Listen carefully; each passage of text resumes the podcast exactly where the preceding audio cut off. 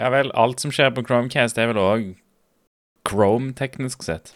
Virkelig. Hvis du Chromecaster fra telefonen og der, så starter en browser Jeg, vet hva jeg, jeg, jeg, ja, er, ikke alt, er, ikke alt, er, ikke alt, på Chromecast i en browser? Alle, alle apper på Chromecast er vel i Chrome? Mm. Hm. Eller da tar jeg feil? Jeg vet, ikke, jeg vet ikke hvor mye ram en Chromecast har. Jeg trenger vel en del for det. og vi starter sterkt dere. Hvor mye ram har en Chromecast? Ja. jeg skal google det, jeg skal google det. Snakker vi megabyte, skal vi gjette? Vi snakker megabyte, så klart. Jeg tror, jeg tror eh, minst en gigabyte.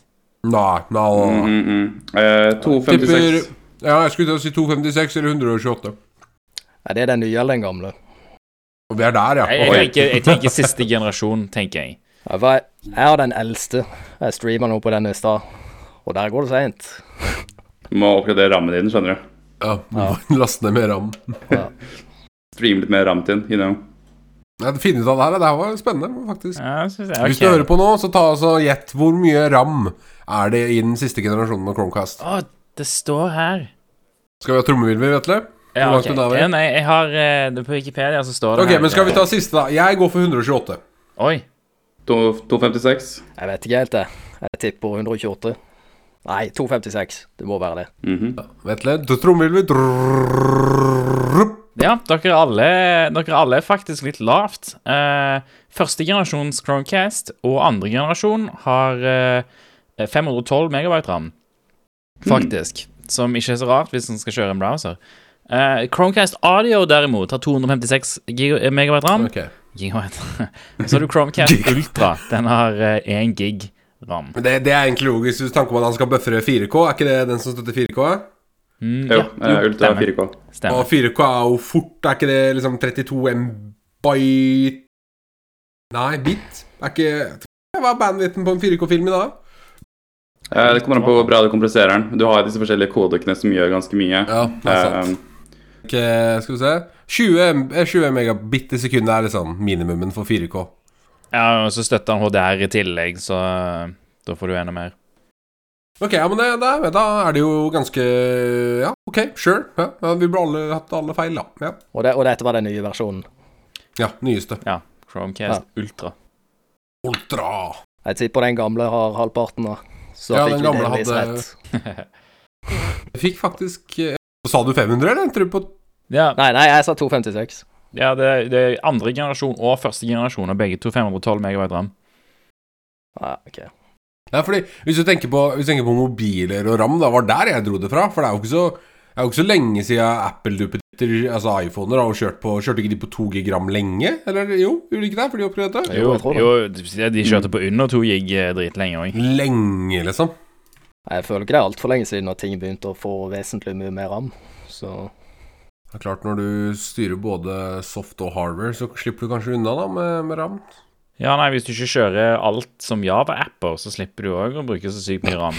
Altså, de kjørte Faen, de kjørte 2 gig RAM fram til iPhone 7 og 3 gig, RAM fram til iPhone X.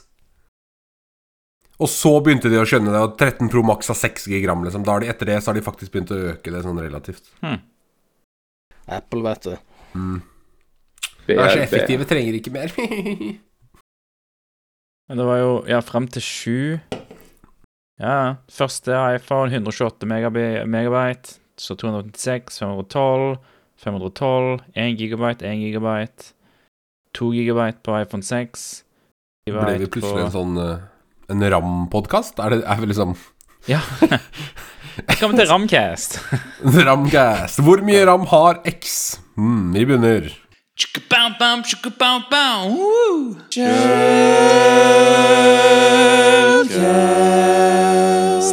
Hei og velkommen til episode 0x 2D av Shellcast. Og selv om det er episode 2D, så lover jeg at vi er i 3D. Jeg heter Vetle. Jeg jobber som bandtester. Du finner meg på bordplate Faen! Du finner meg på bordplate! Du må jo ha med den her. Du kan ikke bare kutte den her. Ja, nei, jeg skal ikke klippe det. Du finner meg på Twitter som at bordplate. Jeg heter Melvin. Jeg jobber som en redtimmer, og du finner meg på Twitter som Flangvik. Hei sann, jeg heter Tobias. Jeg jobber som blyanttester, også kjent som en pentester. Eh, Du finner meg på Twitter som ifface-tobu. Hei, jeg heter Nikolai. Jeg er 28 år og jobber med informasjonssikkerhet i et incident response team. Har tidligere jobba med SOC. Du finner meg på Twitter at Nikolai Pre. Og Nikolai er da ny, altså i form av at han har vært med i, i Shell-gruppa lenge, altså den interne Top Secret Super Liter Hacker-gruppa vår. Men han har ikke vært med på den offentlige delen av podkasten før. Dette er første gangen han, han spiller Jeg hadde lyst til å si 'viser sin stemme', men det blir feil. Så det, det blir jo da 'sprer sin stemme'. Ja, det blir no, noe med stemme. Ja. Ja, hyggelig å være med. Hyggelig koselig av deg. Så du sa jo egentlig alt du Jeg vet ikke hvorfor jeg tok over nå, men du, du sa jo egentlig alt du holdt på å si gjør, men er det noe mer, er det noe andre fun facts? Jobbe med Incident Response, det er Det er kult. Ja, noen andre kule ting å nevne. DJ-er litt på fritida. What? Skater litt. Ja. Har du fritid? Jeg syns du sa du jobba med Instant Response. ja Det stemmer ikke. eh, En, en sjelden gang iblant. Når en klarer å ta seg litt fri fra data og jobb. Legg meg til, legg meg til når han sier at han skater, så betyr det at det er en sommeraktivitet. Som betyr at han kan ha skatet noe siden Log4j kom ut, basically. Ja, stemmer. Han har sikkert ikke Yes. gjort noen ting siden Log4j kom ut. Det tror jeg er mer eh, riktig. Nei, Log4j, da ble det en god del overtimer. Ja, overtidstimer, det kan jeg si. Ikke den eneste incident responderen som eh, kan attestere til det. Åssen fungerer det? Er det liksom du får telefon, let's go, eller åssen er det Nei, tenker jeg Når det dukker opp en hendelse, er det det du tenker på? Ja, nei, liksom, jeg, har, altså, jeg aner jo ikke Annet enn Jeg vet sånn sirkus hva de gjør, så aner jeg ikke hvordan systemet fungerer. Er det liksom type Hvor, hvor Er det, er det responstid ned til liksom Dere får en telefon og dere drar ut umiddelbart, eller er det liksom Nei, Som regel så pleier vi ikke å fysisk dra noen steder, da, men eh, vi eh, Det er jo Du kan tenke deg Hvis du har en sokk, så sender sokken sikkerhetshendelser til et sikkerhetsteam. I mitt tilfelle et incident response-team. Eh, Så agerer vi på de hendelsene som dukker opp, eh, og også andre innrapporterte hendelser, da. Og da fungerer sokken som en type førstelinje, på en måte, da. Første og andre og kanskje til og med tredje til viss tid. Ja, det kan du si. ja. Så vi får uh, hendelser og alarmer fra flere forskjellige steder og håndterer eller ja, mitigerer de farlige tingene som skal dukke opp, da.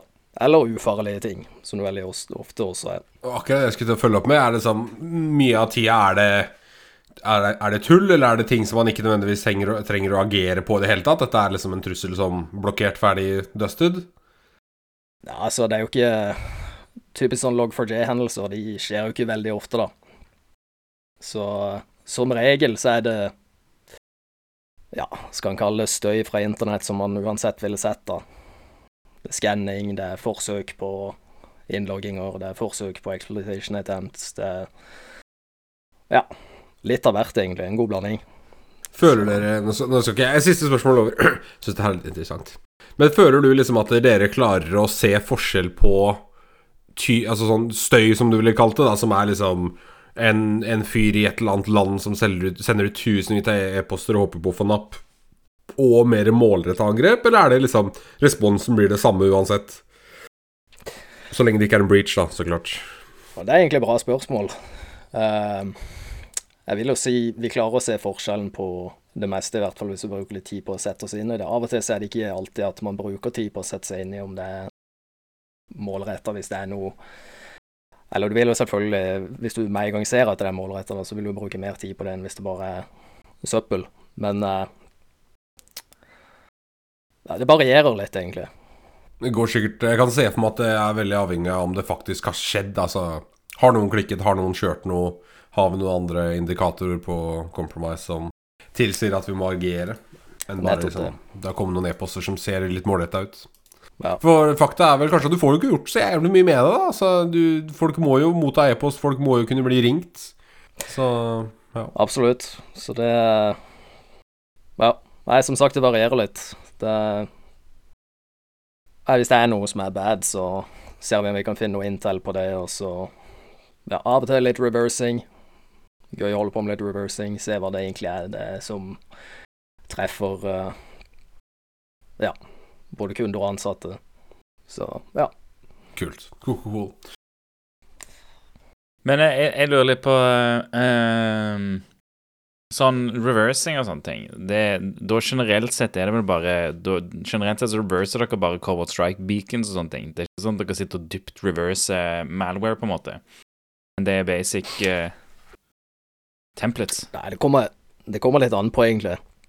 Jeg har det som eget interesse, da. Mm, uh, ja. Å drive med litt reversing fordi jeg syns det er gøy. Ja. Uh, så jeg sitter og plukker litt på ting mer enn det som er nødvendig i jobbsammenheng, da.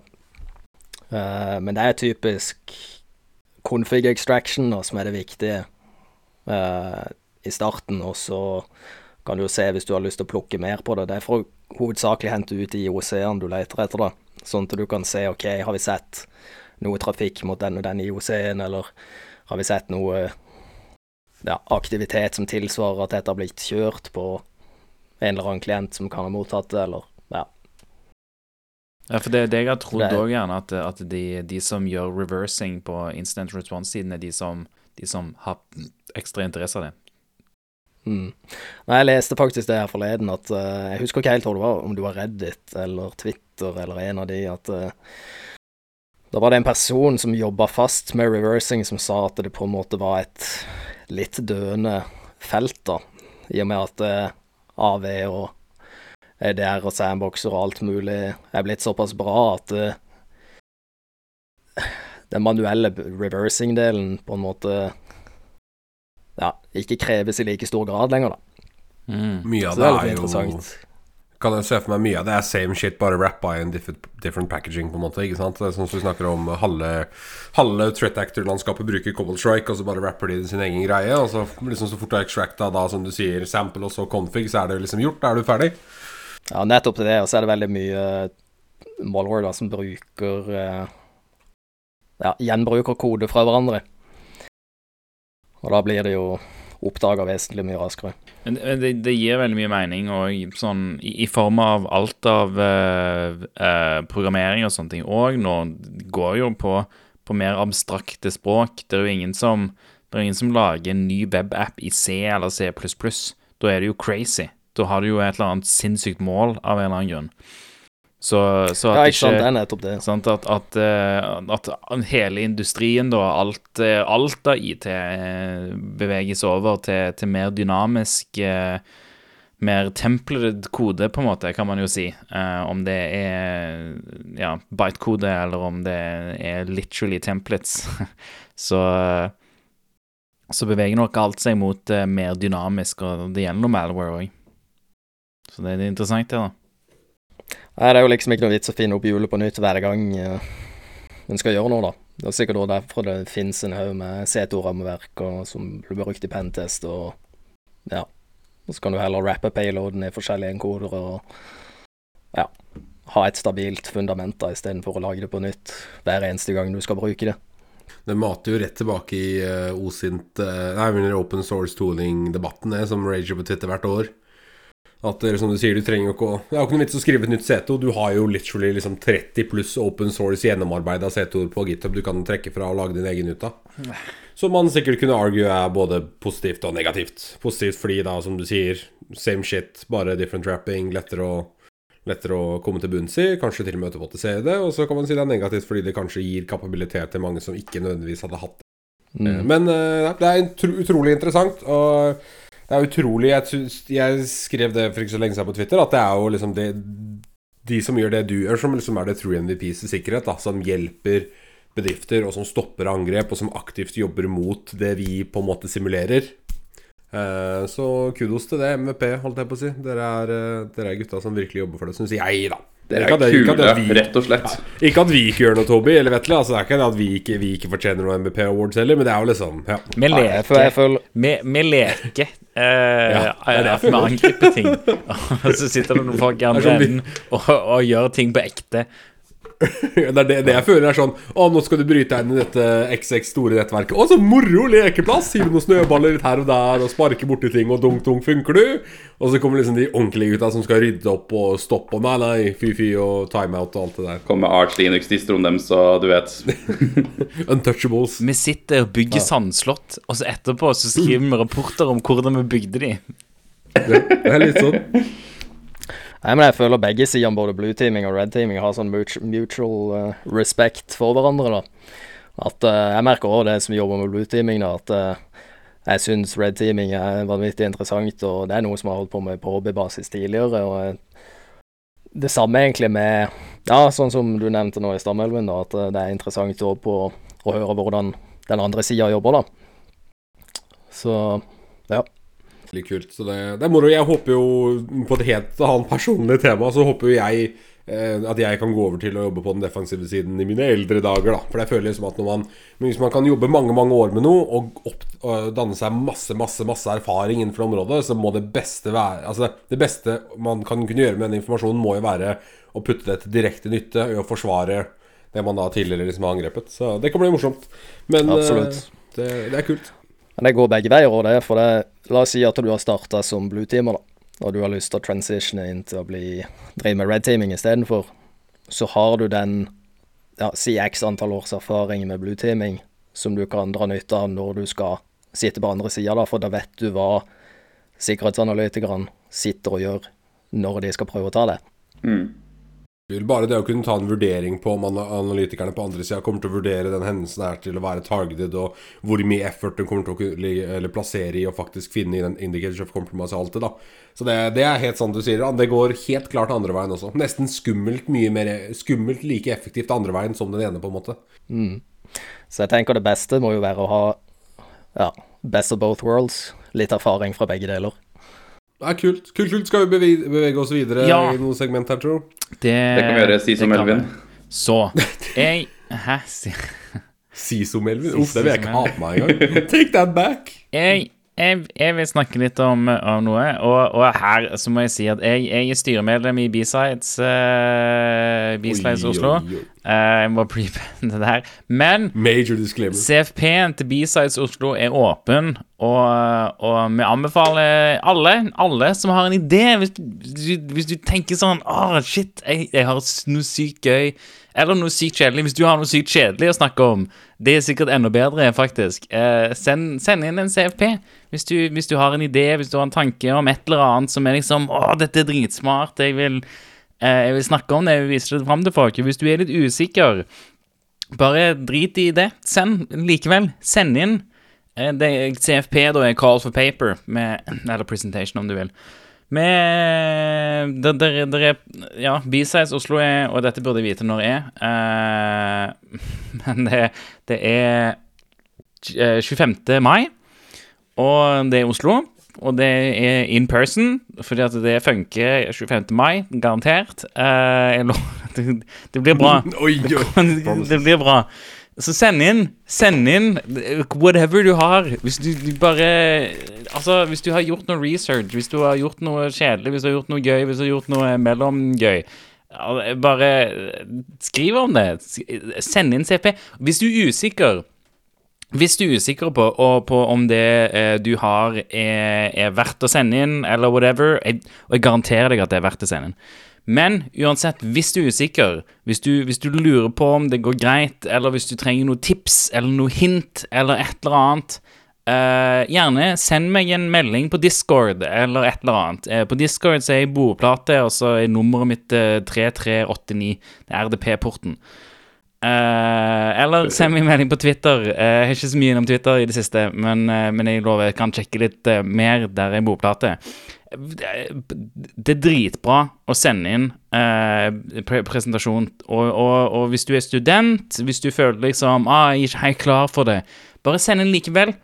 Eh, så får du liksom øving i å skrive det og, og teste og, sånt noe. Hvis du blir valgt, så er det bare dritkult. Og, og hvis du blir valgt og du finner ut at du har ikke lyst, så er det bare å sende mail og si du, sorry, jeg har ikke så lyst likevel. Og det er helt greit. Det er helt innafor. Det viktigste er bare send inn et eller annet. Uh, og nordmenn, nordmenn, er dårlige til å sende inn på dette. dette. Og dette skjer på alle konferanser. Nordmenn sender aldri en ting. Det er janteloven. Uh, så, så bare send inn. Ikke tenk så mye over det. Bare ha gøy med det. Det er bsidesoslo.no. Det var min pitch der. Jeg syns han var veldig bra pitch, og jeg er helt med. Nordmenn er kjempedårlige på å kjenne inn Eller ikke skal si at alle er dårlige, da. Men eh, generelt statistisk sett så, så skulle vi vært flinkere på å sende inn flere sånne presentasjoner. Og det er bare moro. Det er et støttende miljø. Det er ikke sånn at du blir eh, hengt ut på scenen hvis du sier noe feil, eller nei. Så det, det anbefaler alle å gjøre. Det er kjempemorsomt. Artig. Mm. Og dataen fra SSB eksempel tilsier at det er 100% Eller det er faktisk ikke noe data på SSB om akkurat dette her, men vi kan ta en antydning på at dette her blir bra uansett hvordan du velger å presentere dette. Så sleng inn en, en, en, en sånn dokumentpresentasjon, dingseboms. Go for it. Enig, altså. Skal vi ta litt uh, War Stories? Vetle, jeg ser navnet ditt på toppen her. Ja. Ja. Eh, Ja, ja, det er har, en veldig veldig kul story i dag. jeg har, jeg har en war story om en fysisk pentest som, uh, som ikke gikk uh, dårlig. Eh, Oi. Forrige gang jeg fortalte på fysisk pentest, gikk det ikke så bra. Men denne gangen gikk det, gikk det faktisk kjempebra. Eh, nei, vi, eh, det var meg og en kollega, da. Vi fikk en, uh, fikk en fysisk pentest eh, der vi skulle bryte oss inn på eh, to lokasjoner. Og eh, dette var liksom Dette var midt i eh, Midt i korona, kan man si. Så Eh, så så vi, vi kjørte, og så kjørte vi til første lokasjon. Og, og der står det på et sånt skilt på, på utsiden sånn her ah, hvis du, eh, hvis du skal inn hit, så ta kontakt med bla, bla, bla, bla. Dette pga. smittevernregler. Alle dører er låst. Og vi bare Nei. Er det sant? Er alle dører låst, og vi må bare ta kontakt med noen for å komme oss inn? Og så drar jeg i døra, og så er ikke første døren låst. Jeg bare Å ja, OK. Uh, og så signaliserer jeg til kollegaen min og sier OK, vi kan gå inn her. Uh, det er bra. Jeg er litt usikker. Det er en sånn, Den første døren går rett inn til en sånn gang. Eh, så Du skal liksom henge an en jakke og sånne ting, og så er det en dør midt imellom, sånn sluseopplegg. Men så Så jeg er litt usikker, men, eh, men vi, går, vi går videre, og det, den døren er åpen, den òg. Men bare OK. Eh, så jeg går liksom rett inn, og jeg har med meg Jeg har med, jeg har med meg en sånn stor rull med Katt 5, Katt 6 eh, Ikke Katt 5, Katt 6-kabel. Eh, eh, som jeg har hatt hjemme hjemmefra. Den, den er ødelagt. Uh, den kan ikke brukes noe, men jeg har den med meg liksom under armen. Uh, og så ser jeg at det første jeg møter, er liksom et sånt møterom. Sånn der firkanta møterom med vinduer, og der ser jeg noen som sitter. Og så ser de på meg, og så, så gjør de ingenting. Jeg bare ja, OK. Og så jeg prøvde liksom å få noe øyekontakt, og liksom kanskje de Kanskje de skulle spørre hvem jeg var, eller et eller annet. eh, men nei da, de bare sitter der, og så var jeg sånn OK, det er greit. Min andre kollega, litt smartere enn meg, han har sett på brannkartet for å finne ut hvor vi skal. Eh, så han har funnet liksom Han har funnet målene våre da på kartet. Så, så vi begynner bare å gå dit. Så går opp en sånn der vimpeltrapp Er ikke det det heter? Vimpeltrapp? Er ikke det? Sånn spiralgreier, liksom. Ja, ja, ja. Vi går opp en, en sånn trapp. Der, eh, der går vi til liksom Det var målet, målet vårt, og så tar vi masse bilder, og så går vi ned. Det var ett av målene, nå. Og så går vi inn på et sånt lite kontor eh, for å se liksom om det er noe For der, der var det noen datamaskiner. Og så, eh, og så tar vi noen bilder der, og så Og så når vi går ut derfra, da, så går det noen forbi. Eh, og så sier de hei, hei, og vi bare hei, hei. og så er det, er helt greit. De stiller oss ikke noen spørsmål eller noen ting. Og så, og så går vi inn på IT-rommet, da. Der, det var liksom masse servere og, og sånt noe. Og der står vi i en sånn 20 minutter og prøver å finne ut uh, hvordan vi kan bytte den ene skjermen til den andre. Uh, noen sånn VGA-skjermer. Og så plutselig så kommer de inn, og så åpner de døren, og så er de sånn Hei, uh, hvem er dere, forresten? Og så sier vi eh, Vi er IT. Og de bare Å ja. Ja, vi visste bare ikke hvem dere var, så, så jeg bare Nei. Det gir mening. Jeg skjønner det. Nei ja, vi er IT. Og så, og så lukka de døren for oss, og så gikk de. Eh, så Ok. Ja, nei, det var, det var veldig greit. Så på andre lokasjonen, da det, var, det var jo samme dag, så, så kjørte vi bare bort, eh, og og, og der Det var større, mye større opplegg, da. Eh, større bygg og, og alt. Eh, så der, der var det et eget liksom IT-kontor.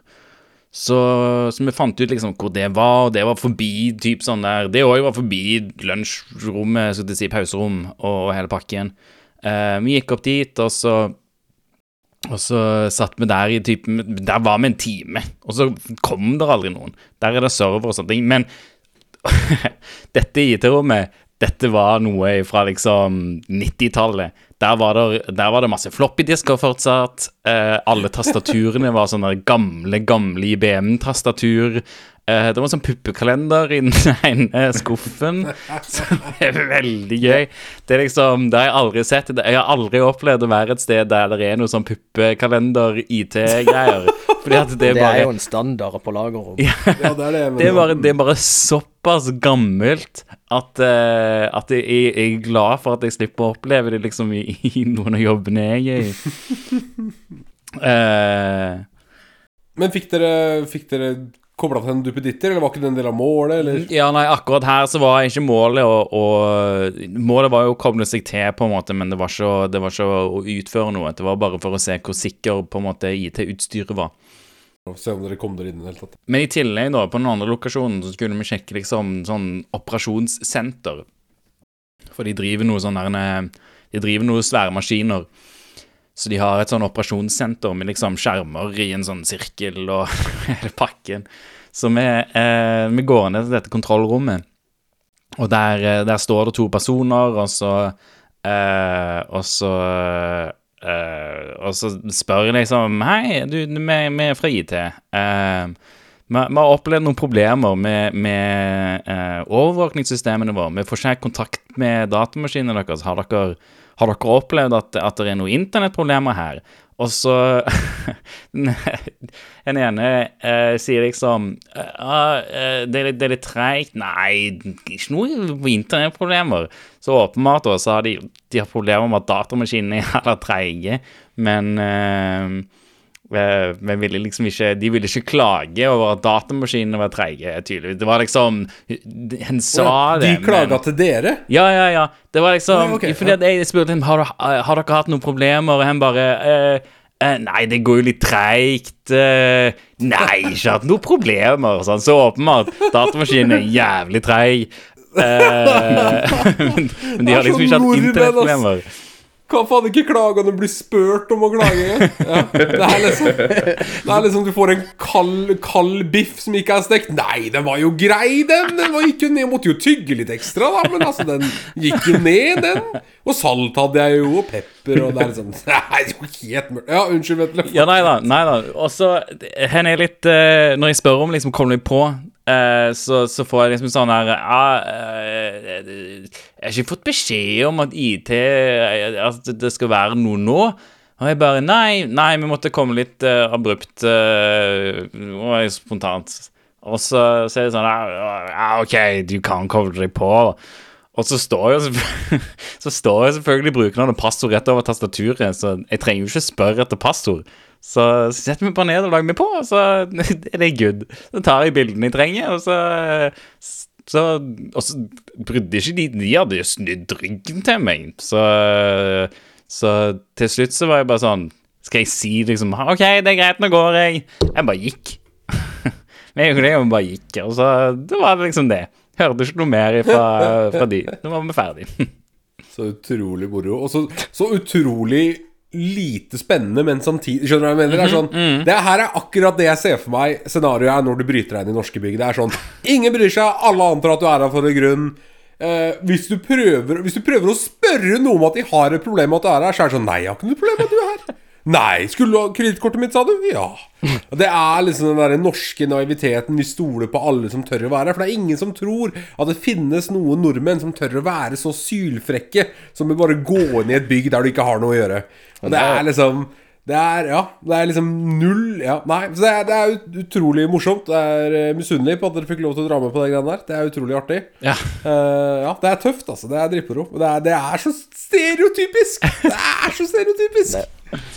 Du vet, du trenger ikke tailgate uh, i en dør engang, vet du, dø- personen foran deg holder døra oppe for deg.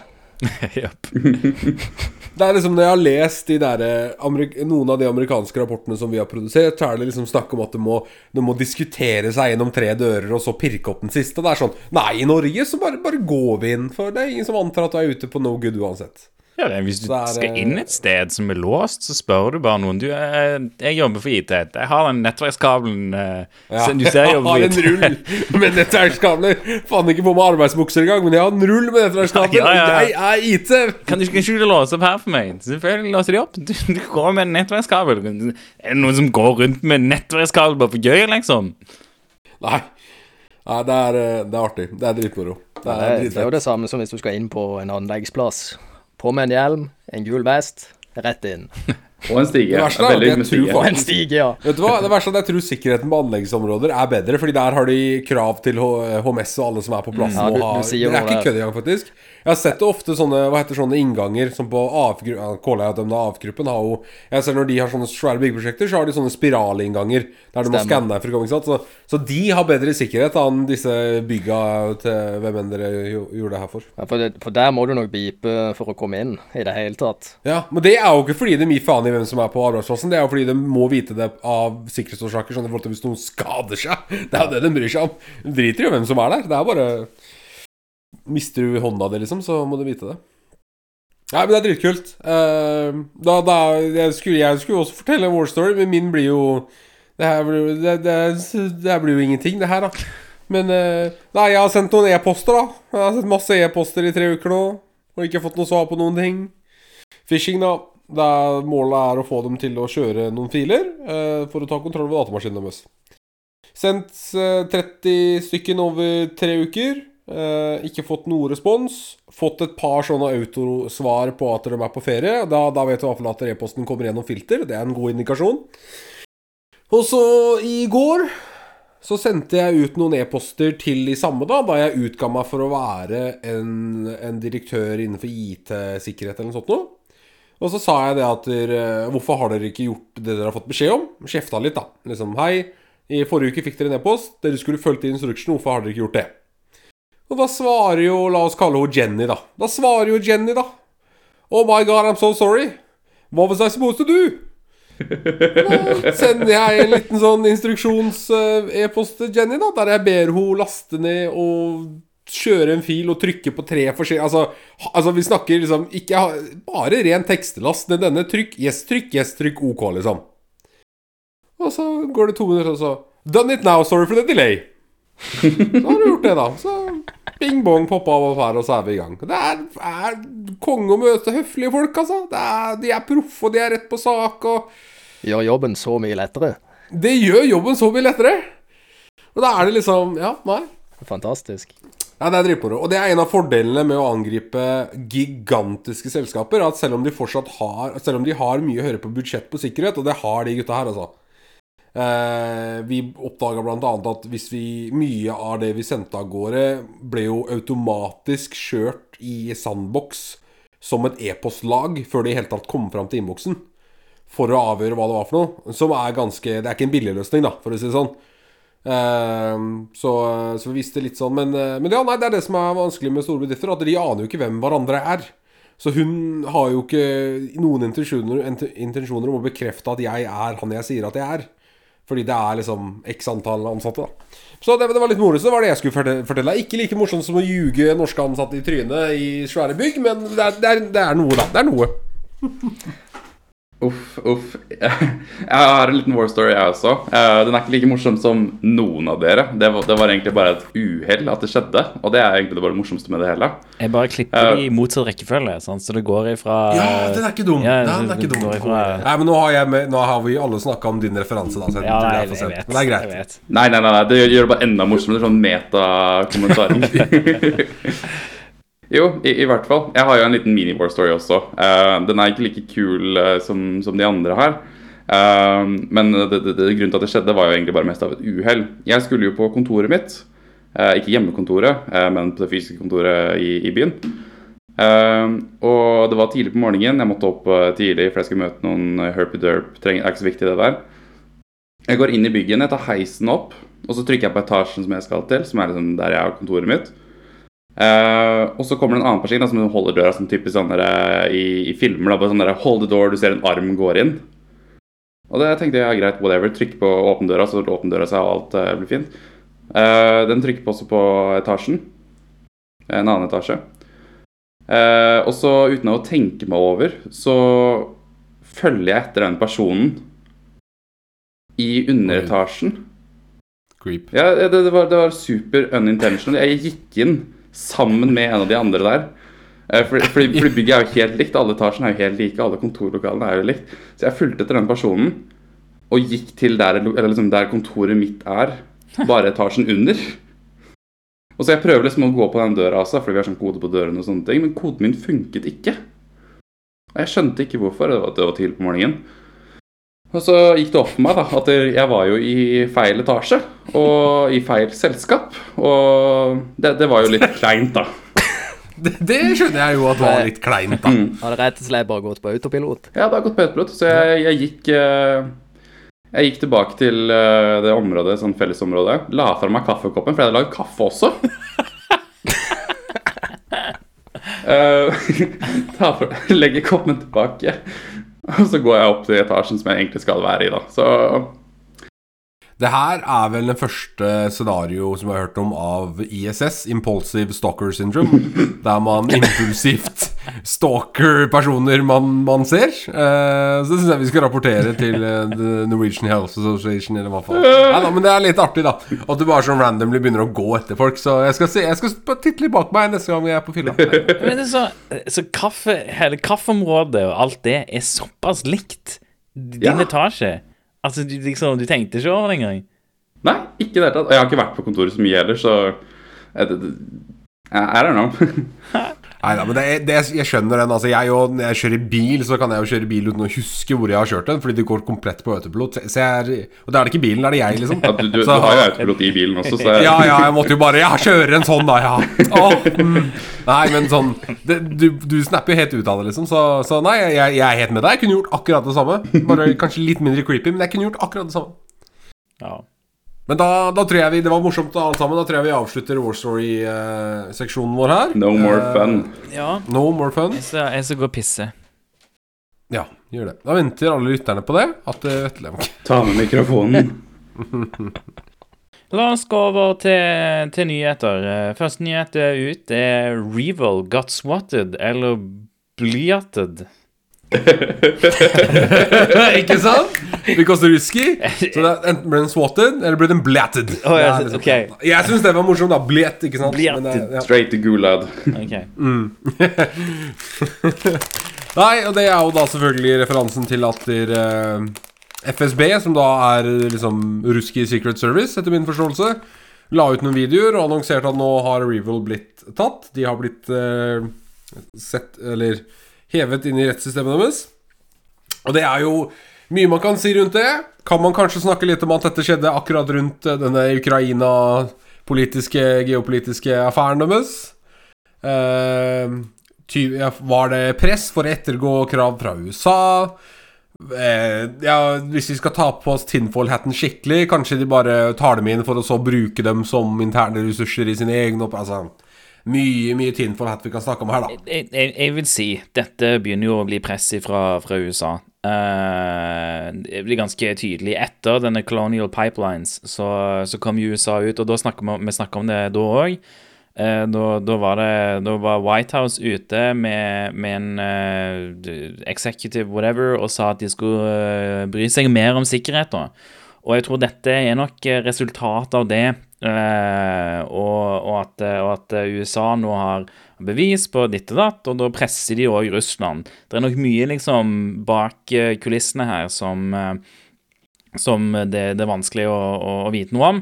Men, eh, men det, det er jo veldig Russland har jo hatt lenge eh, Altså russiske aktører på ransomware har jo lenge hatt bare fri tilgang til å gjøre hva som helst, så lenge, så lenge de, de gjør en liten innsats for å ikke angripe russiske eh, mål, da. Det har jo vært sånn at så lenge ah, Mange har jo hørt den at hvis du har russisk tastatur installert på Windows-maskinen din, så blir du ikke infekta av ransomware. Og det er en av de tingene er, eh, ja, sovjetiske, skulle jeg si, uh, malware-aktører har, uh, har gjort for, for å unngå å, å bli tatt av russiske myndigheter. De har, de har gjort en innsats for å ikke infekte russiske brukere. Og, og derfor så har Russland bare vært sånn ah, OK, vi bryr oss ikke. Da, whatever. Bare fortsett å infekte resten av verden. Så lenge du ikke infekter Russland, liksom, så er, så er det all good. Eh, så, så, så jeg vil si at dette, dette handler om at, eh, at USA har, har begynt å skjønne litt uh, Nå har liksom, nå har myndighetene i USA begynt å forstå litt hvordan dette funker, og begynt å sette press på Russland om det, vil jeg, vil jeg tro, da. Det er min, min ville gjetning om det. Så det er nok mye mer, som du sier, politisk press. Og så er spørsmålet hvorfor i verden har de ikke gjort det her i fjor, når pipeline-greiene faktisk skjedde? Hvorfor vente et år til akkurat nå? Et år pluss er det vel, faktisk. Eh, nei, det er det ikke, jeg ljuger. Når var det pipeline-greiene skjedde? Var ikke det i fjor sommer? Da er det et halvt år siden, da. Beklager. Ja, Det er en, det er en x stund siden. Vanskelig å huske. Uh, Følte det var lenger siden, men Ja, det er, ok, det er Nei, en x stund siden. Jeg aner ikke når det skjer. Uh, og så er det jo Det er jo Altså det er jo ikke noe å legge skjul på at det er en anspent situasjon mellom Russland og USA akkurat nå. Jeg hørte akkurat at der, USA hadde gått ut eh, og sagt til Russland at hvis dere går inn i Ukraina, så kommer vi til å nekte dere å kjøpe dollaren på alle børser. Alle russiske børser kommer til å få forbud om å få lov til å kjøpe dollaren. Og implikasjonen av det er jo Altså, det er Cold War X3, liksom. Uh, og jeg tror som jeg, veldig mange andre spekulerer, at det her bare er en sånn politisk agenda for å dra oppmerksomheten bort fra trykket mellom eh, Eller konfrontasjonsopplegget i Ukraina, siden det skjer liksom akkurat. Og de, la jo faktisk ut en video av det her. Uh, titta litt på den. Titta litt eh, på den videoen på livestreamen min forrige uke. Eller noe på søndag. Og da er det litt artig, fordi de, hvis du ser på den videoen, da og så sammenligner du når en annen eh, ransomware gang ble tatt i Ukraina, så er det liksom ikke SWAT med masse våpen som skjærer opp døra di. Nei, nei, nei. Russisk politi, eh, russiske myndighetene kler seg opp som vanlige mennesker. De hadde en person som hadde kle, kledd seg opp som det som ligner på en postmann eller servicemann. Og så hadde de banka på døra til de i leiligheten. Og så, så fort de da hadde åpna, så hadde de bare revet opp døra, bare lagt dem i bakken og bare full tut og sjø, liksom. Så det var litt tøft. Det var litt kult å se på da og høre russerne skrike 'Blet!' liksom rett før de går i bakken. Og det gjør den faktisk. Og hvis du, første fem sekunder på videoen er det sånn 'Blet!' Og så går den ned til bakken. Ja.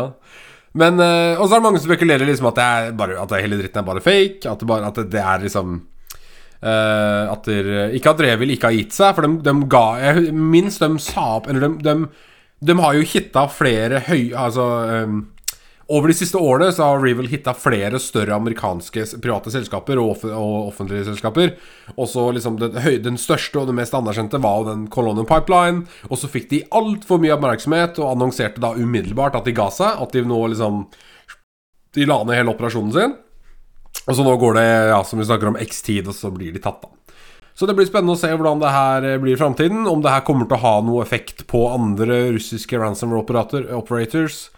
Eh, eller om det er sånn Ja, det er bare sånn det er, liksom. Disse her you, you did too good. You need to be taken down, type ting. På grunn av press. Eh, og så er jeg jo veldig, har veldig lyst til å vite på hvilket nivå disse operatørene visste at Russland er safe haven, og Russland visste at de fikk lov til å gjøre dette. Altså Snakker vi, snakker vi på det nivået at de ikke har oppsekk i det hele tatt? At de bare driter i det? For i videoen så ser vi liksom en sengeramme full av rubels, eller hva faen currencyen er i Russland. Og det er ikke greit Du skal, du skal være greit flink til hvitvaske da, for å ta ut den mengden uten å bli spotta. I et land som Russland, hvor eh, vi har en eh, ja, poverty line osv. osv. Så eh, Nei, eh, ja, ja, det, det, er, det er mest lyst til å vise. Liksom. Vet Russland om disse gutta? Er det sånn Ja, vi har visst hvem de er de siste tre åra, men vi gir faen fordi de gjør vårt arbeid, på en måte. da De, de, treffer, de driver en form for kald krigføring som vi elsker, og som vi i tillegg kan ta avstand til fordi vi ikke har noe med det å gjøre. Så jeg skulle likt å, skulle likt å visst det, da. Eh, ja. jeg tror faktisk det ligger noe i akkurat det du sier der. Hvis du tenker Russland og USA, de har jo ikke akkurat det beste forholdet, kan man si. Eh, og back in the day, når exploit kits og sånn var en stor ting, type Black Hole Exploit Kit, Angler, Sweet Orange og de her, da, så var det en sånn herre Skal en kalle det intern policy blant de russerne som opererte og solgte disse, at eh, du skulle ikke bruke det mot borgere av Russland, da. Eller mot russiske systemer. Så man kan jo gjøre en antakelse da på at uh, mest sannsynlig så har de nok visst om hvem disse folkene er, men at de bare ja, turn the blind eye, holdt jeg på å si, og så bare la det gå. Kan jo være en del av interne Jeg vet jo at Biden og Russland har hatt Eller Putin har hatt liksom den dialogen, tett dialog da de siste to ukene som følge av den politisk anspente situasjonen rundt Ukraina. Så det kan jo være dette her bare er liksom uh, uh, uh, Bishop move, altså type ting, liksom. Dette gjør det, det Hvis dere gjør dette, så gjør Altså type type ting, da. A favor for eye for favor for favor, whatever. Eh, men ja, det har vært veldig morsomt å være bak teppet her og visst akkurat den relasjonen mellom liksom, russisk etterretning og disse private ransomware-gjengene, synligvis, som, som gjør disse angrepene. Eh, og hvis dette er Russland som faktisk begynner å gjøre noe med det interne problemet sitt, så burde vi jo se flere russiske ransomware-operatorer bare begynne å altså, slutte å gjøre det de gjør. Liksom. Type ting, da. Jeg er helt Eh. sikker. Jeg er helt sikker eh, i min oppfatning eh, og min mening. Eh, jeg sier ikke dette fakta, men jeg er helt sikker på at, eh, at Russland eh, har uh, weaponisa dette. De har weaponisa kriminaliteten. De vet at det er kriminalitet på dette. Eh, og, og i stedet for å, å, å få kriminalitet mot seg sjøl, så har bare så har de hatt policyen på at ja, så lenge Så lenge det ikke angriper våre borgere, så, så går det greit. Og på den måten så har de weaponisa kriminalitet, men mot alle land som ikke er Russland. Og jeg, jeg er helt sikker på at de vet nøyaktig hva de driver med med dette. Det er, en, det, er en, det, det er dritsmart. Jeg skal ikke si at det er dumt, det er dritsmart. Det er bare så, så at de gjør dette nå det, Jeg forstår dette som et direkte resultat av at USA presser, og at Russland er sånn Vel, det er kriminalitet, det. Fuck de, liksom. De bryr seg ikke om de kaster kriminelle under bussen, sant? Men for det er jo en vinn-vinn-situasjon. Egentlig en vinn-vinn-situasjon for alle, altså utenom USA. Da, så klart. Russland vinner på at de ikke trenger å delta eller bruke egne ressurser på, på denne kalde, kalde krigføringen. Da, kald cyber warfare, whatever. De private russiske aktørene som gjør det, tjener, tjener jo masse penger på det. Eh, og Russland kan på hvilket som helst tidspunkt bare play the good guy. Bare 'Å, nå tok vi dem endelig'. Ikke sant? Så de, de taper jo ikke på det her eh, sånn politisk, da. Så det er, litt, det er litt moro. Nei, som sagt, jeg skulle likt å vært bak teppet der og bare fått, fått, fått litt av det. Litt sugerør inn til informasjonen der og visst hvordan, hva som foregikk bak. Men eh, ja, jeg tror ikke vi har så mange lyttere fra Kremlin som kan gi oss den informasjonen, så det, det får greit. Men hvis du er en lytter som har eh, informasjon eh, bak teppet, ta gjerne og send oss til lyttersvar at eh, 5H3 eller Nei, nei. SH. Ikke si det! Det er ikke en e-postadresse. Vi har ikke noe catch-all-adresse, så hvis du sender til feil, så går det ikke. Hva, hva er den ordentlige e-postadressen vår? da? Eh, den står i shownotes. Hvorfor kan jeg ikke dette utenat? Sier ikke du det her på slutten av hver eneste Jo, podkast, eller? podcast at 5og3ll.so. Jeg sier det på slutten av hver episode. Hvordan kan du det? Ja, ja. Nydelig. Nei, eh, og hvis eh, norsk etterretning hører på, så Nei, vi, vi kom, vi får komme Nei, ikke, ikke ta oss, vær så snill.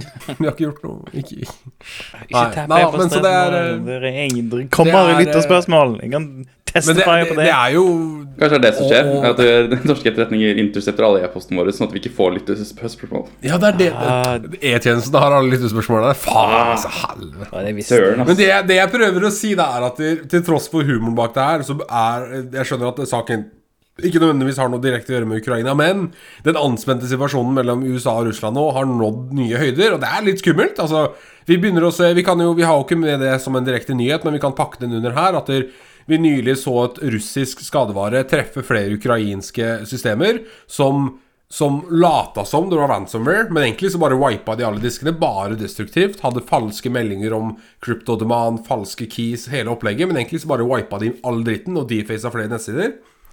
Så det er, eh, det er warfare på gang her. Altså rett og slett cyberwarfare på, eh, på, eh, på grått eller på oransje eller på rødt eller hva faen nivå. Det er jo egentlig nyhet i seg sjøl. Ja, det er egentlig nyhet i seg selv. Det, men det har vi ikke mer, så vi får pakka det under review. Ja, det er sant. Uh, ja, har noen lyst til å ta NRK-saken Ja. om OK. Her har jeg skrevet Her har jeg skrevet i uh, I uh, I sann NRK clickbait-nyhet har jeg skrevet 'Norsk bedrift funder kriminelle'. Her er det en norsk bedrift som har gitt penger til kriminelle. Det er helt sjukt. Eh, men det er da snakk om eh, at en norsk bedrift uh, følte seg pressa til, eh, til å betale for eh, Og det, det er NRK òg. Så NRK har i tillegg eh, Jeg skal bare ta dette, for det, det plager meg veldig. Eh, NRK, for det første dette har ingenting med sikkerhet å gjøre, men for det første NRK driver og har masse clickbait-artikler som jeg ikke forstår hva slags, hva slags annonsemål de driver og prøver å oppnå. Hvorfor? Hvorfor skal du prøve å få så mange klikk som mulig inn på en artikkel? Hva penger er det du tjener på at jeg trykker på artikler? Kan du ikke bare skrive det sånn som det er, i stedet for å kødde med dette jævla clickbait-bullshitet? Så det er NRK skrevet. NRK skrevet ble hacket, kolon. Betalte kriminelle 130 000 for å få tre passord.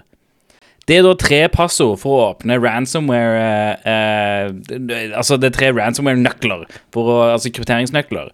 Det, det første jeg reagerer på med denne tittelen, ba- bare tittelen i seg sjøl, det vil jeg merke, er at hvis du, må, hvis du betaler 130 000 for å få tre krypteringsnøkler, så dealer du med et dårlig krypto-ransomware.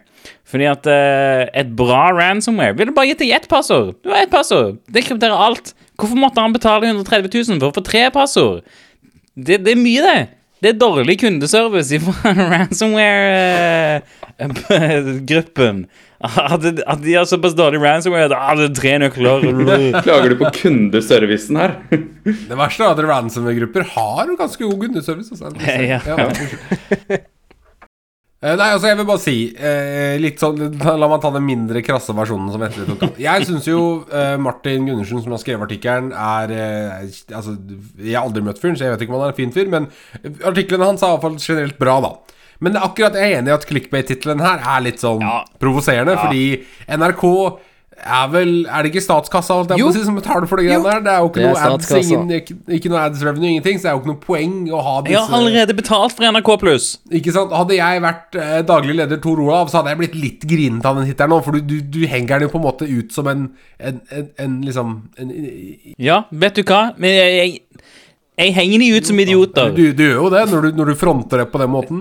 Det er, det, er to, det, er, to- det er to personer som har skrevet artikkelen her, så vi kan ikke bare kaste Martin under broen her. Det er Martin og Jeg, som sagt, jeg kasta den ikke under bussen, for jeg, jeg tror artikkelen i seg selv er skrevet objektivt og, og bra, Mm. og kommer faktaene der på plass. Men er hvem hvem som har bestemt, er sikkert sjefsredaktøren som har bestemt at tittelen skal være det. Det er, det er dick move. Jeg bryr meg ikke om hvem det er. Noen i NRK plager meg inderlig, innerst i sjelen. Og jeg vil at de skal slutte. Slutt å plage Vetle. Nei da. Men, men helt annet tema, da. Jeg syns, jeg skrev det her på Twitter, at det er kjempeviktig at norske bedrifter, store, små, medium, give a fuck, går ut med det her og står som eksempler på at dette skjer. For hvis norske bedrifter ikke Altså hvis det her ikke kommer frem, så kommer enda flere norske bedrifter til å legge det her under teppet. Da kommer ingen eh, norske bedrifter som ikke har blitt rammet ennå, til å forstå at eh, du kan bli rammet. Dette er en greie, liksom. Dette er ikke noe som kun skjer med store amerikanske eller whatever selskaper. Deg med 100 pluss ansatte, 50 pluss ansatte, 30 pluss ansatte, whatever, det kan, det kan ramme deg, liksom. Uavhengig av hva du driver med. Så Derfor syns jeg det er viktig at vi skriver om det, og jeg liker oppfordringene hans. Du kan bl.a. kontakte Martin Gundersen på Signal om du har lyst til å være anonym for å tipse om databrudd, whatever. Og dra det her litt frem i lyset. Og jeg syns det er tøft gjort av eh, daglig leder Tor Olav Jacobsen å stå i det her og stå frem med det, selv om det er en griseskip situasjon. Og, og selv om valg eh, Og så kan man sikkert diskutere om valget hans å betale penga er riktig eller ikke. For det, det er en jo, vanvittig vanskelig situasjon å stå i. Det syns jeg egentlig ikke vi skal kommentere på Ja, altså, jeg, jeg skal si at det, det hvis du, for, for å berge bedriften din, eh, så, så er det riktig valg. Hvis du ikke kan berge bedriften din, så, så betal ransomware. For all del. Det, du, det, er ingen som skal, det er ingen som sier at du skal ta et moralsk standpunkt og, og la bedriften din gå under. Bare betal det. Og Uh, det, det, det går jo selvfølgelig ikke an å si om, om du faktisk får en krypteringsnøkkel som Eller dekrypteringsnøkkel som funker, eller ei. Men, uh, men har man ikke noe annen mulighet, så har man lite å tape. Og så skriver de jo her at de, de eh, betalte for å få tre av X-passord, og at de, eh, når han blir spurt da, du har betalt penger til kriminelle, svarer ja, dette er ikke noe man ønsker å gjøre, derfor begrenset vi det så mye som mulig, og vi aksepterer å miste en del data. Så det er åpenbart ikke betalt tilbake for all tilgangen, kun de viktigste systemene. Og jeg er helt enig med det Vetle sier. Se for deg at du er andre generasjons familiebedrift som har drevet bedriften i 100 pluss år, og så kommer det fuckings ransomware, og så skal det være stopperen, liksom, fordi du er Ikke sant? Så Ja. Og, Fullstendig forståelse, og det er en kjempevanskelig avgjørelse. og, så, og så er det noe annet. Hvis du er type Tieto Evry eh, eller Athea eller noe, og, og du ikke har shitet ditt på plass, og du er nødt til å betale ransomware for å få alt dataen din på plass, det er, noe, det er en helt annen situasjon, liksom. sant? Jeg er helt enig. Så, så og, de, og der ville jeg liksom Der ville jeg sagt eh, Hadde det skjedd noen av de, så ville jeg sagt at hvis de betaler, så er de noe eh, jævler med moralsk dårlig eh, standpunkt eh, som, som ikke har hatt sikkerheten og backupen For, sin for på plass For noen politisk korrekte utsagn vi har i Kjellkast her. Da, dere. Jo, men det, men det er, men det er noe helt annet. Og jeg, men, og jeg vil at det skal være en veldig tydelig forskjell der. At, at det, det, IT er For IT er vanskelig. Både IT og, og sikkerhet er vanskelig. Og er du en liten bedrift, sant Du er ikke Nordic Choice. Du altså Nordic Choice har et større samfunnsansvar for å ha bedre sikkerhet, fordi at de er jævlig svære. Men liksom random selskap som holder til liksom én by og kun gjør bedrift der du, du, det, det er vanskelig å, å, å kreve noe mer av de. Selvfølgelig, det, eh, det, det er jo best for alle om de òg har bedre sikkerhet, men, eh, men, men det er noe annet det er en Nordic Choice. Sant? For, for Nordic Choice òg er jo en del av dette. Eh, norske sikkerhetsbrudd har jo vært en, en stor greie i det siste. Den, den, den siste Ja, hele januar har jo vært prega av IT-sikkerhetsnyheter eh, på forsiden. Ok, jeg må bare Ok, så jeg må bare si Jeg er helt enig, alle helt enig med det Vetle sier, at er du en stor bedrift, så har du åpenbart et mye Et helt annet ansvar på å sikre bedriften din og operasjonene dine, fordi du har en mye høyere grad av ressurser å bruke på det, uten tvil. Eh, hvis du ser, Jeg begynte å lese noen av kommentarene her, og da må jeg bare ta fram én, da. Som heter. Den her er fin, dere. Hold dere fast. Roger Kliner har skrevet er Sikkert bare troll. Det er, jeg bare oversetter det han har skrevet her, for det er sånn halvsvorsk. Det er helt utrolig at folk ikke klarer å sikre dataene sine. Jeg har jobbet med dette i ca. 30 år, og jeg skulle enkelt klart å sikre data fra inntreng. God jul. God jul. Jeg, sy jeg synes denne kommentaren faktisk burde leses opp sånn som det står. Et er helt utrolig at folk At ikke folk klarer å sikre sine ATA. Jeg har jobbet med dette i ca. 30 år og skulle enkelt klare å sikre ATA fra inntreng. God jul, RL. Da er det ikke god jul, da er det GO-jul. Den D-en på det tastaturet var defekt, tror jeg. Han har mista data under et, eh, typing-prosessen sin. Beklager. Kan jo ikke være Når jeg går på Facebook og søker på Roger Kliner, det må jo være Han har, han har en sånn Macbook eh, Pro fra 2016. De har, de har ja, dårlig tastatur. Han har ødelagt noen av tastene, så han prøvde egentlig å si Nå gir du liksom det benefit of the doubt her. Å, sikkert bare dårlig tastatur. Nei, men, eh, men det er jo helt feil det han skriver, da. Altså, og det at han tror selv at han klarer å sikre en data fra inntreng etter å ha jobba med det i 30 år og skriver Altså, ja, nei. Roger Kliner er jo åpenbart en idiot som kommer med disse utsagnene. Og eh, Hvis han har jobba med dette her i 30 år og fortsatt tror det er grisenkelt å sikre seg fra inntrengere, så har han tatt feil. Ja, det- er jo noe av problemet da at God jul. no, en kjappe ra, Altså en kjappe liksom En random by i Norge har ikke noen med 30 års erfaring i IT. De har folk som Der er det de Altså, de snakker, la meg bare søke opp uh, Papirkompani på proff her, og så ser vi daglig omsetning, så kan vi se om hva vi ligger på her. Så det er jo, det, nå, må, nå må ikke vi motsi det vi sier, da. Vi sier jo egentlig at alle som driver en bedrift som har verdier, må kunne klare å sikre seg på et nivå. Men eh, samtidig så forventer vi ikke at Ja, de her omsetter faktisk for ganske mye, altså. Driftsresultatet på 74 millioner i 2020. De her hadde faktisk hatt råd til Jo, men 74 millioner er ikke så mye. Det, det, det, Det er liksom nok til å ansette en som driver med datasikkerhet. Ja, men 100, det, altså det er typ sånn 188 ansatte, eh, skulle du si. Sant? Mm. Ja, men det, det, ja, det er eh, Poenget er i hvert fall at eh, selv om de har blitt eid, så skulle de nok eh, Eller de, de skulle nok fortsatt hatt noe lag på sikkerhet her, da. Men det, det er det samme. Skje- Gjort er gjort, skjedd har skjedd. Jeg er helt sikker på at de har et, eh, en god chunk av budsjettet sitt i årlig nå s- til sikkerhet etter hendelsen. Men eh, ja, nei, men eh, vi beveger oss bort fra Roger Kliner og eh, inn i God jul. Eh, eh, det noe som skremte meg helt vanvittig i forrige uke. Jeg vet ikke om dere har sett det her, men eh, det var en researcher en, Jeg vet ikke om han er en Jeg antar at han er Threat Intel. Felix Aime. Jobber for Sequoia og Dio. Han jobba previously for Casper Sky. Fransk mann. Som har eh, da publisert litt informasjon på Twitter om en pågående kampanje eh, åpenbart målretta mot den tekniske delen av eh, Altså, jeg antar da informasjonssikkerhet, researchers, sånn som meg, sånn som Nick, som driver med uh, blueteaming og alt. Der de har lagd masse, masse uh, Kjøpt opp masse domener, typo-squatta, til å ligne på verktøy som vi bruker daglig. Så vi har f.eks. dnspy.dev. DNspy er jo et open Shores kildekodeverktøy for å reverse, uh, reverse C-sharp-applikasjoner. Det har han da domainsquatta, og hoster da en payload på den. Eh, som, altså helt lik, klin lik original nettside, bare at de har backdraw filene med Malware. Samme da som man har kjøpt dnspy.net. Eh, sandboxes.net, sandboxes.com. Eh, hvis du ikke har hørt om Sandboxes, det er en enkel sandbox-programvare for Windows der du kan kjøre en enkel applikasjon i en sandbox på main OS ditt for å analysere. Eh, og masse annet.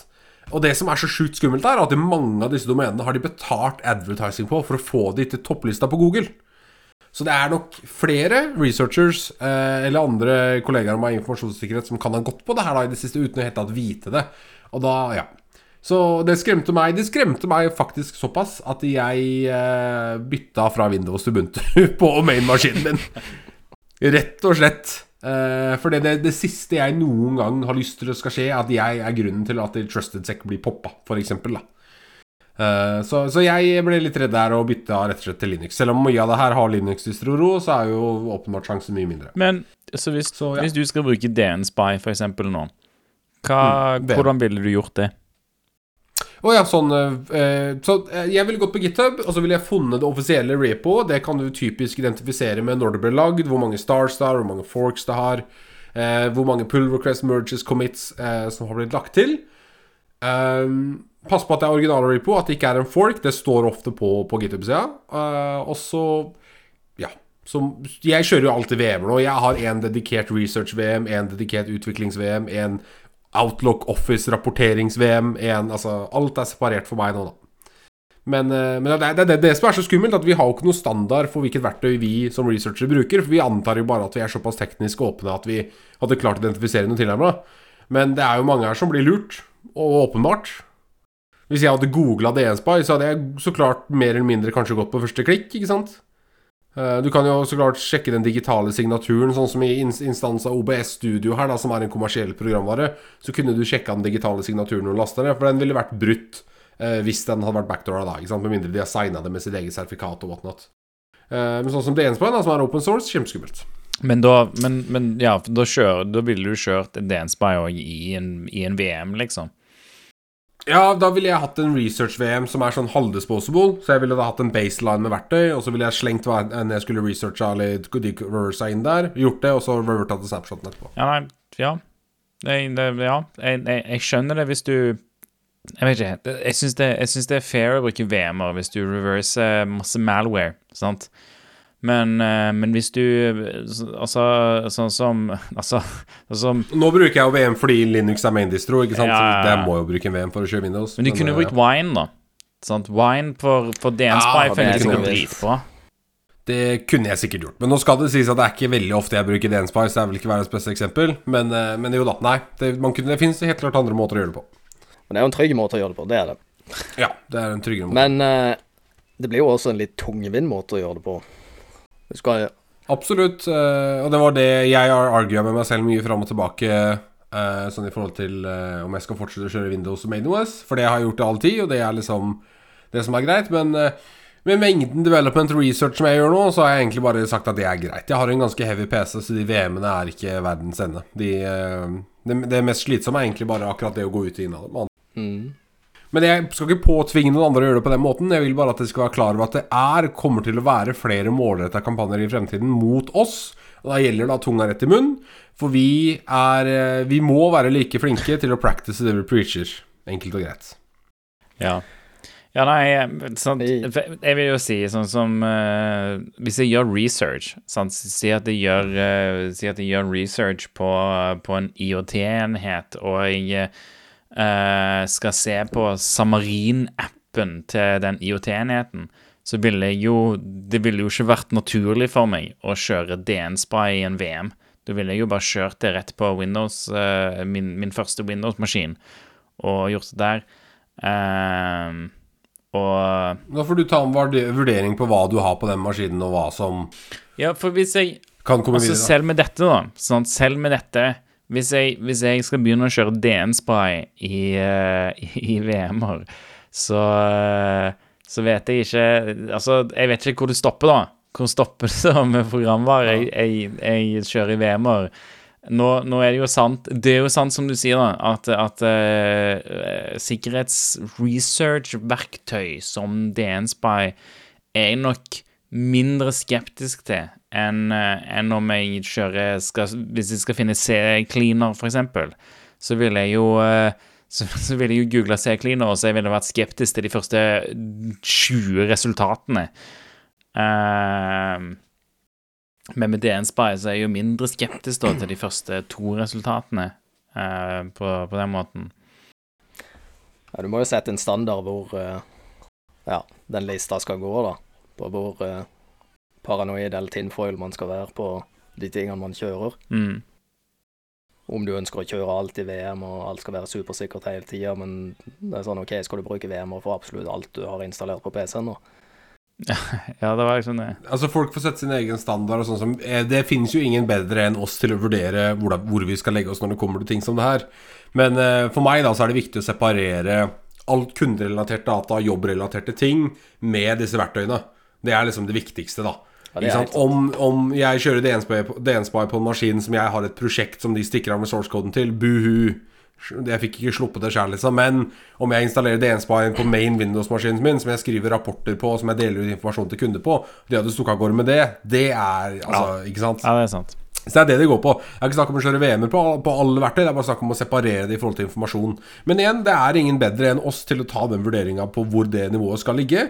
Du må gjøre deg komfortabel med det selv. Her var det jeg tenkte at jeg gjorde for å føle meg komfortabel med, med hvordan jeg opererer, uten å Og når, og når du sier oss, så mener du ikke oss i- her i Shell, men deg selv som person. Så ikke send oss e-post om hvordan du skal vurdere sikkerhet. Vi som er engasjert i sikkerhet, vi er jo stemmen som burde ta avgjørelsen på hvordan vi selv skal praktisere det. Er det jeg prøver å si. da Åh. Så, så bare, bare vær klar over at i fremtiden, det har vært, og det er nå, og det kommer til å være flere målretta kampanjer mot sånn som oss. Så bare, bare vær klar over det, er vel mer tanken til det. Nord-Korea drev jo med, med angrep mot sikkerhetsresearchere spesifikt uh, en, en periode. I fjor, var det ikke det? Når de kontakta folk på Twitter og sånn? Var det ikke det? det stemmer det. Og faktisk, for ikke så lenge siden nå, så var det en backdoora versjon av Ida Pro versjon 7.6, tror jeg. Ja, det er jo klassisk. stemmer. Som var, Cracka versjon. det var vel Lasarus som sto bak den, tror jeg. Det er mye Lasarus. Så det er, det er mye ute å gå, Så altså. hvis du har en demo, eh, en full demoversjon av Arda Pro, eh, tenk litt på hvor du har fått den eh, fulle demoversjonen fra. Bruk gjerne et annet reversing-program for å sjekke om den er backdoora. Gidra, for eksempel. Gidra er veldig bra. Jeg, jeg kan Ja. anbefale Gidra. Liker du Gidra? Jeg, jeg liker Gidra. Det, det, det bruker jeg eh, Jeg, jeg, jeg, eh, jeg kan stolt fortelle at jeg eh, klarer meg uten en full demoversjon av Ida Bro. Uh, og, og bruker Gidra main. Du får jo Ja, nei, jeg vet ikke. Jeg har brukt uh, Gidra, jeg òg, men uh, jeg føler det er noen limitations der som ikke uh, Ja. De compileren til Gidra funker ganske bra til eh, X64-kode, med tanke på hva som er der ute. Eh, men ellers så er det jo Det det er Java. ja, det, det, det, sliter litt med å være Java, det gjør det. Men, eh, mm. men jeg syns decompileren til For å gå helt off track eh, Decompileren til Gidra har vært kjempefin. Jeg, jeg, eh, jeg har drevet masse nå med tror ikke spør, men med PowerPC 64, eh, og, og der er decompileren kjempefin. Den er, ikke, den, er ikke, den er ikke dårlig, liksom. Det funker. En ting jeg likte veldig bra med releasen av Gidra, var at uh, det ga Hexrace som har lagd Ida, da, litt press, Mm. fordi at de har hatt vanvittige priser på programvaren sin, og spesielt i compileren. Og etter Gidra ble releasa, så har de ja, gjort flere tiltak. Så Ja. akkurat det, det er veldig bra. Men fortsatt så må jeg si det at jeg liker Ida best, selv om av og til så må jeg poppe opp Gidra, for at eh, det er noen ting den decompileren gjør bedre enn Ida by default, da. Jeg, jeg mistenker jo at uh, hele schemet med Gidra Det blir sånn conspiracy theory oppgående igjen. Det er at uh, NSA synes at uh, Ida Pro-lisenser ble så dyrt. Så de måtte release et eget verktøy som var competitive med det, slik at de kunne få en bedre rammeavtale på Ida Pro. jo, men det er jo fort det, da. Det er jo literally fort det. Altså, betale Ida Ida Pro med Hexrace er 60 000, er det ikke det? Minst. Og det det med én decompiler, hvis du skal ha floating-lisens, Å ja. om ikke jeg husker helt feil. Ja. Ja, for du har forskjellige lisenstyper og masse forskjellig. Så får du med en egen sånn refleksnett-license. ja. Ting. Det, det er dyrt, i hvert fall. Og skal du ha dyr programvare, så, så må du ha god support, og du må ha gode, en god oppdateringsflyt. Hvis ikke Ida Pro har det, så, så ser du fort at eh, ting som NSA eh, lager, lager sitt eget. Og, og Gidra er noe av det Altså, det er dritbra for å være gratis eh, og, og mot alternativene, sånn som Binary Ninja brukte jeg mye før det. Det var et, eh, det var et godt alternativ. Det og Hopper eh, var gode alternativer før Gidra kom ut, men, uh, men når Gidra kom ut, så, så var det ikke nødvendig lenger. Uh, og, og det er litt trist for Binary Ninja, da, som, som var et godt alternativ, som jeg slutta å velge å betale for fordi at jeg trengte ikke lenger. Men, men at det ingen av de andre At det ikke var noen alternativer til Ida Pro, viser hvor, hvor bra Gidra er. Eh, og hvor godt det er som alternativ. Men Binary Ninja, de holder på med sin egen decompiler nå, som ikke er altfor langt unna. Så eh, de får en, de òg.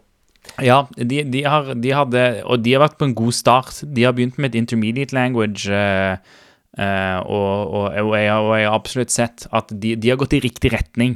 Sant? De, har ikke, de har ikke begynt å angripe en decompiler med en gang.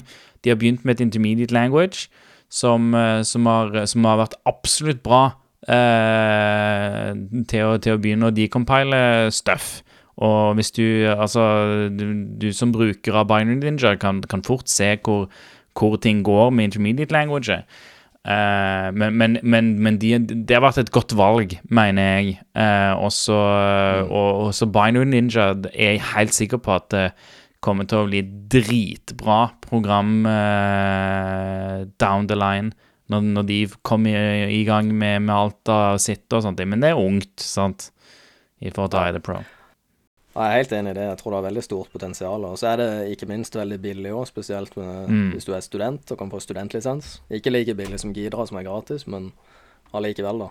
Absolutt. Og typisk hvis du bare skal patche et program, hvis du ja, invert and jump eller whatever, så er det superraskt å gjøre i Binary Ninja. Mm, absolutt. Cool, cool, cool. Um, da har vi egentlig ferdig med nyheter. Uh, da drar jeg egentlig bare gjennom resources. Uh, first up er et verktøy released LDAP Relay Scan. Um, så hvis du noen ganger har relaya til enten LDAP eller LDAP S, så vet du at channel binding og eller channel signing må være disabled for at det skal kunne gjøres successfully. Eh, Grunnen til at vi ønsker å relaye til f.eks. LDAP S, er jo at vi da kan legge til computer accounts på, på nettverket, som vi har passet brukerne til, og kan bruke det til å nå autentiserte ressurser. Eh, Dette kan vi gjøre f.eks. bare med å pikke opp en NTLM-hash, fly over nettverket, relay til LDAP S. Gucci. Og vanligvis, hvis man skulle sjekka da en LABS-server eller instanse uh, for signing og mining, så måtte man ha creds. Men nå har da en security researcher som jeg mener jobber for Spectrops, riktig, som heter Nick Powers, sluppet verktøy, en pukk, som lar deg sjekke det her uten å ha credentials. Så det kan være veldig nyttig når du er på nettverket, for å da sjekke Hei, den DC-en der er vulnerable med channel mining og signing. Da kan jeg begynne å relay mot den. Den ligger så klart i eh, shownotes, samme som Obsidian Notes, som da er en referanse til Uh, TrustedSec-bloggen om Obsidian. Uh, Obsidian er et, not Hva er det for noe? No, no, no, notatverktøy? Altså, Sammenlignet med Sherry Tree? Det er, det er, en, det er en veldig fin sånn note-taking-verktøy, rett og slett. Den har en veldig fin backend som kjører alt sammen i Markdown-filer, som gjør det veldig enkelt å ha ting oppi Git-repoer. Uh, og jeg har en liten sånn fin kommentar på det også, fordi i, der jeg jobber, så har vi begynt å adoptere dette her i, inne i selskapet vårt. Og vi har begynt å få litt teite problemer med at uh, antivirus nuker notatene våre fordi at de har PowerShell snippets inni seg og, og, sånne ting. Så hvis du skal ta i bruk uh, Obsidian Notes til å kjøre notater uh, for, for ja, ikke malicious intent, men røde aktiviteter, så er det veldig anbefalt å skru av antivirus på Obsidian Note-pathen din. da. Så keep that in mind. Det som er veldig fint med En ting er Obsidian, men Obsidian tilbyr en rekke eh, sånn extended funksjonalitet i form av plugins, men også i form av grafing. Så i akkurat den eh, linken i shownotes så viser TrustedSex sin sånn mal på hvordan vi gjør grafing. Og da kan jeg enkelt slå opp si en lolbin, da, så kan jeg se alle relasjonene og teknikkene som er knytta til det, eller initial access, og så kan jeg se liksom et tre- og grafstruktur utover det. da. Og det bør ha vi liksom vår interne top secret playbook, så bruker vi den malen selv. Den er helt genial når man trenger å finne informasjon raskt, og du har masse informasjon å søke opp i. Så sjekk ut den notesa. Et veldig godt alternativ til sånn som Cherry Tree, som jeg brukte før, vet jeg, og som jeg vet veldig mange har brukt. Eh, så har du et verktøy igjen som ble sluppet i går av TrustedSec, som heter CUCM Thief, som er et enumererings- og I guess um, harvesting-verktøy eh, mot Cisco-telefonenheter eh, og kontrollenheter. Eh, så det er noe som heter Cisco Unified Communications Manager, eh, CUCM. Eh, og når man har mange telefoner på nettverket som snakker med den, så kan det være mulig å hente ut SSH credentials fra de telefonene, og da kunne identifisere mot den CUCM-servicen. Og som igjen da kan være knytta opp mot AD f.eks., eller LDAP. Og så kan man jobbe seg videre derfra.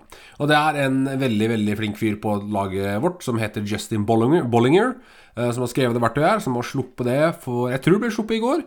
Eh, han brukte det internt lenge og funnet veldig mange veier til DA utenom de vanlige veiene gjennom det verktøyet her, da. Så ta en titt på det. Det er ikke noe man typisk ser etter på en interntest, eh, Voice over IP-telefons, men det, det fins. Så er det noe som heter Mirrordump, som er en sammenslåing av to verktøy som jeg nå ikke husker navnet på. Og det er Jeg tror det er Å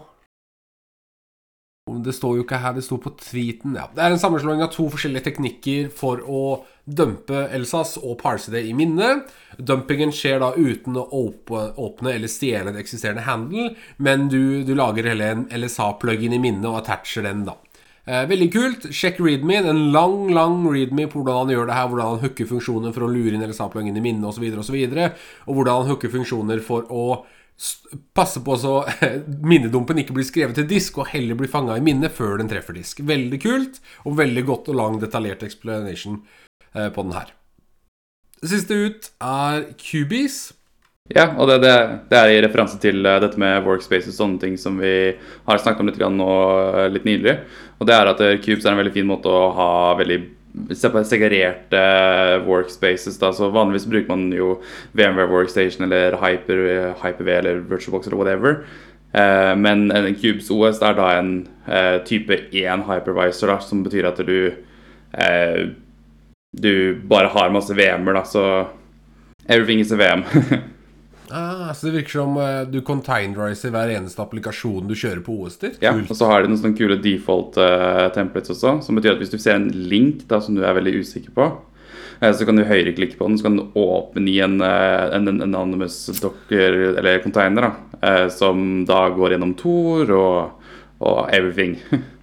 Ah, så sjukt. Det her, det her kan jeg nesten garantere deg at han andre Nick bruker. Det, det, det, det, det han andre Nick bruker. Ja, helt riktig. Ja. Mm. Stemmer. Nick, Nick, i andre Teknisk sett så er vel det her andre Nick, og han Nick første. Så Nick i første er vel som bruker det her. Riktig. Mm. Veldig kult. Cool, cool, cool, cool. Og det tror jeg det er det vi har av resources. Vil jeg veldig anbefale Cubes. Når jeg begynte på universitetet, så jeg var det sånn at jeg var så paranoid over de andre studentene som var der, så jeg installerte Cubes på laptopen min. Det var veldig ubrukervennlig, for jeg måtte ha Windows-pakken for å skrive ting. Ja, jeg tipper de andre studentene var veldig kompetente IT-folk som, eh, som, lett kunne hacke deg hvis du ikke eh, hadde det. jeg fant at det ikke var situasjonen, så da ble det Windows med en gang, sånn tre uker etterpå. Men ok. Før vi, før vi avslutter, så, så skal jeg som vanlig pitche Discord-kanalene våre. Vi har kanaler på Norsex Discord. Når du join, join Norsex Discord Den uh, lenken til det ligger i, i shownotes. Og så skal jeg bare lese gjennom Nå skal jeg bare lese gjennom shownotes, så det ikke blir så langt denne gangen. Når du har joina, gå til hashtag shellcastpodcast og si hei.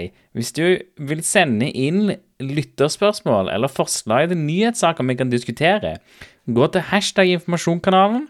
Trykk på mikrofonikonet, så får du tilgang til å skrive i hashtag shellcast submissions.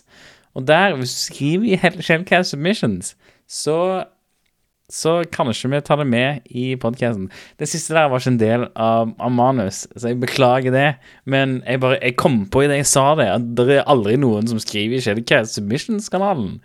Uh, så hvis det er nyhetssaker du vil vi skal diskutere, som du tror vi hadde hatt et unikt take på, som uh, Når jeg sier det, det blir bare morsommere og morsommere. Uh, jeg klarer ikke å uttale ordet engang. Uh, så gjør det i hvert fall. Det ligger der. Det, det er en mulighet. Det eksisterer som mulighet. Hvis, hvis, du kjeder deg en dag, så kan du submitte random shit der. Jeg vet ikke. Gjør et eller annet. Uansett uh, Så da tror jeg det er på tide å avslutte episoden.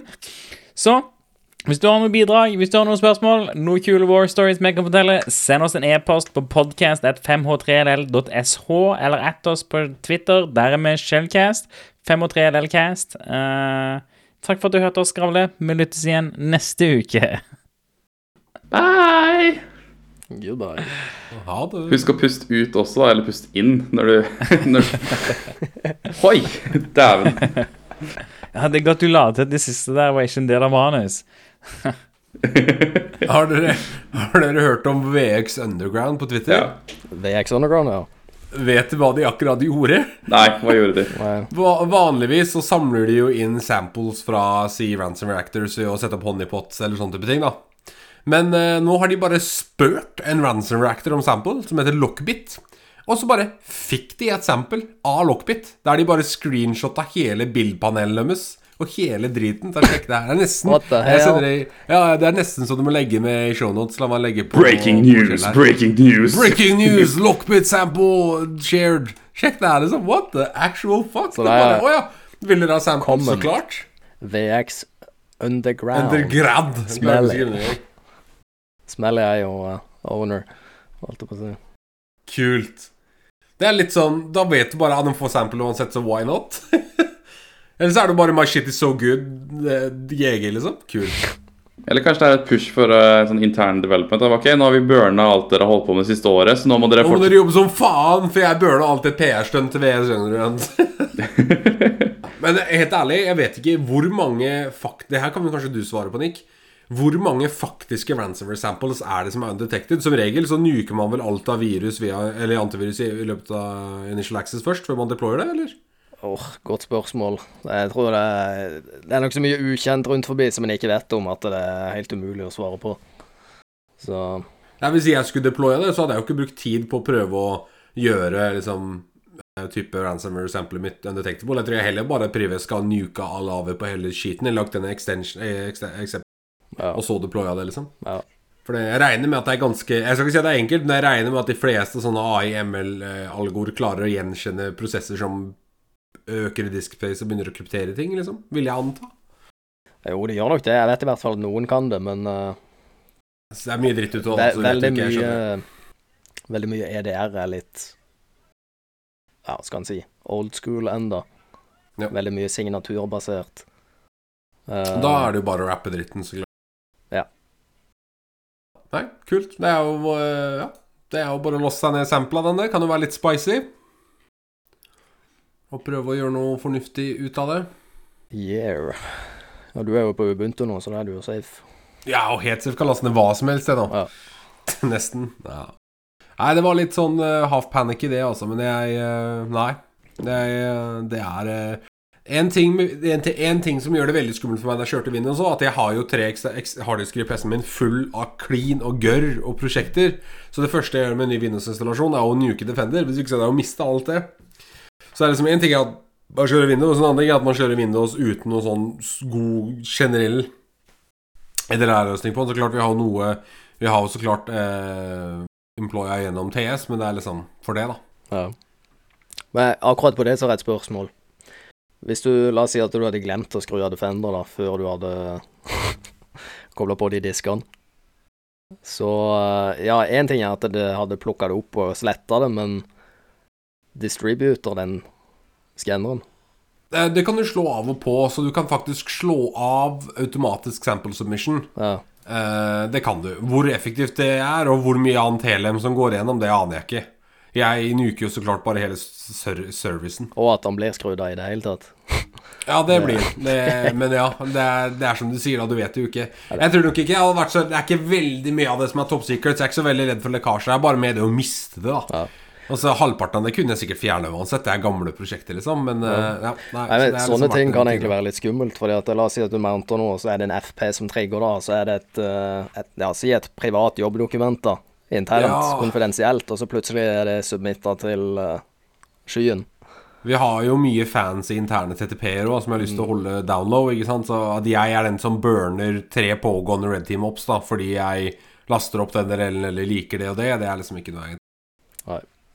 Så det, så det er helt klart uh, noe man må tenke Og så er det på. greit å ikke ha kunden laste opp uh, beaconene dine til Virus Total også. Det er Det er kjedelig. Jeg hadde jo en kunde i fjor som hadde, hadde submitta en cease og desist på domenet mitt. Phishing-domenet mitt. Som var kobla til TS eh, eh, hosting-selskapet som eier domenet. Liksom. Vi bare uh, Hallo! Eh, det er nå du liksom skal si til sokken at det ikke, trenger ikke å ta noe cease og desist her, liksom.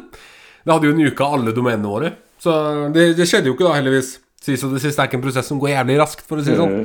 Så det gikk fint. Men det er sånn nå skulle kontaktpersonen kanskje hørt på fulgt med på sokkinformasjonen her og liksom bare sagt at ja, jeg kan ta den sist og det siste, jeg. Og så bare ikke sendt den, ikke sant, istedenfor å si at det er en pågående test. Så. Men det er veldig moro. Jeg, vi, jeg kunne sikkert snakka flere timer om det der vi snakka om i stad, Red Team Perspective, Blue Team Perspective på pågående gigs. Men det er jo det, jeg, det er jo det når jeg sitter på det offensive da og lager disse kampanjene, så er det liksom snakk om å ja, jeg må sende det til x antall personer, passe på at de mest sannsynlig ikke rapporterer, så ikke hele dritten blir blown.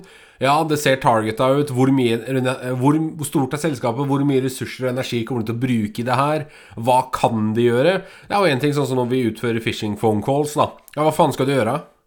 blokkere nummeret. Det er jo ikke noe du kan gjøre med det. liksom Det er jo bare noen ble ringt, noen ble forsøkt lurt. Vi vet at det er noen som prøver å ringe og lure folk. Du kan, du kan sende ut informasjons-e-poster hvis det er større antall av dem. Det er sånn annet enn det, så er det sånn Ja, hva skal du gjøre med det? Så det Men ja, det er moro. Så det er fun, det er fun, det er fun. Så får vi se. Mange ting. Mye man kan gjøre. Det har vært morsomt å uh, sitte på bakrommet på en, eh, under et Red Team og fulgt med på hva, hvordan sokken responderer når de, når de skjønner at noe er på ferde. Liksom. Gjorde det i, eh, i fjor, eller forrige fjor, tror jeg det var. eh, hvor vi compromisa en kunde og fikk tilgang til sokkmaskinene. Så vi så dem jakte etter oss, da. Så det var jo meg og Eirik. Den er slem! Det- Den er fæl! Det er bad. Ja, Ja, det er bad, ja. det var, det var litt bad, da, selvfølgelig. Ja. Litt bad, det er bad! Da er det sånn Your defense got owned, liksom. ja. Jeg, jeg har tenkt på det der, faktisk. Jeg tror det var etter du sa det sist, eller etter Eirik sa det. Men den dagen det skjer med meg, da er det bare å legge opp. Da er det bare å bli gravemaskinfører eller noe.